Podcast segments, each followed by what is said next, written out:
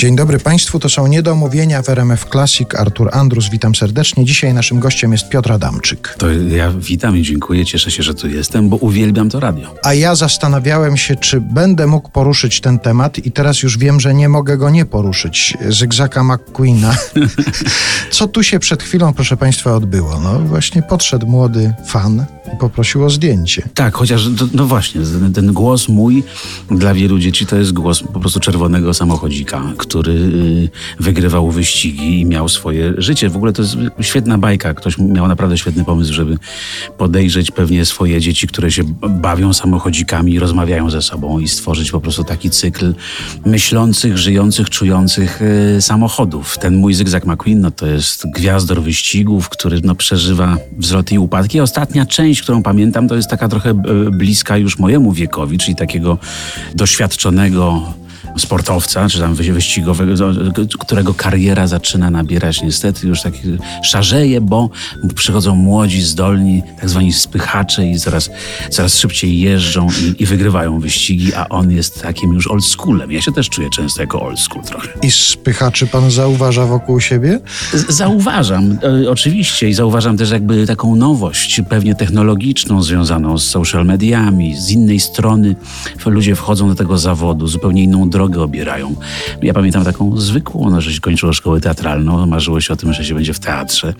Jakiś reżyser obsady zauważył młodego aktora w teatrze, więc mu zaproponował jakąś mniejszą rulkę w filmie i to tak gdzieś się kręciło, a teraz trzeba mieć fanów na Facebooku i na Instagramie. To jest, to jest ta droga. No dobrze, ale jeszcze zatrzymując się na chwilę przy roli Zygzaka McQueena, to pan tę rolę dostał w wyniku castingu, czy ktoś pana zobaczył w teatrze albo w filmie i stwierdził, o, ten by był świetnym czerwonym samochodzikiem? To był casting, bo tak, bo też y, nawet już uznani aktorzy y, są castingowani do tych ról wysokobudżetowych, animowanych produkcji amerykańskich y, i tak naprawdę te nasze głosy, kiedy je nagrywamy, pod jakiś oryginalny głos amerykańskiego aktora, potem są wysyłane do Stanów i tam komputer sprawdza, czy te alikwoty są podobne i czy talent w miarę, do, że tak powiem, dostaje do amerykańskiej gwiazdy. A, czyli to musi być taki sam samochodzik, mniej więcej taki sam na całym świecie. Mniej więcej musi być taki sam. Gdyby amerykański aktor umiał zmieniać akcenty i dobrze mówił po polsku, to nie mielibyśmy szans tutaj. Aha. No dobrze, nie będziemy tylko o Zygzaku McQueenie rozmawiać, chociaż tak mnie korci, żeby na koniec pierwszej części naszej naszej rozmowy jeszcze wydał pan z siebie dźwięk tego. No ale oczywiście to ja mogę już od razu życzę wszystkim dzieciom, które wierzą w Zygzaka McQueena szczęśliwego nowego roku. Mm, szybkość.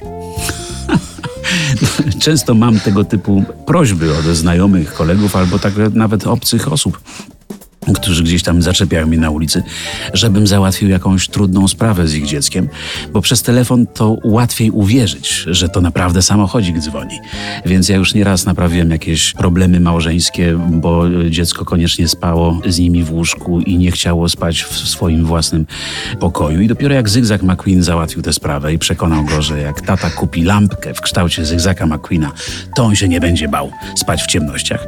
Wspomagam tego typu trudne trudne sytuacje, że, że, potrafię znaleźć jakieś rozwiązanie.